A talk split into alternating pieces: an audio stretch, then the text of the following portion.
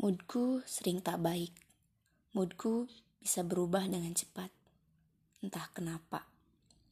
Apakah itu sesuatu yang salah? Apa hanya aku yang merasakan? Aku sering berusaha keluar dari zona itu.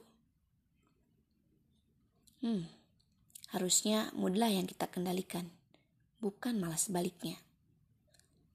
Tapi itu gak segampang yang aku kira. Aku seorang perasa. Aku bukan pembicara hebat. Aku terbiasa diam. Aku tak bisa mengungkapkan kepedulianku lewat kata. Apa mungkin karena luka lama? Atau karena sendiri terlalu lama?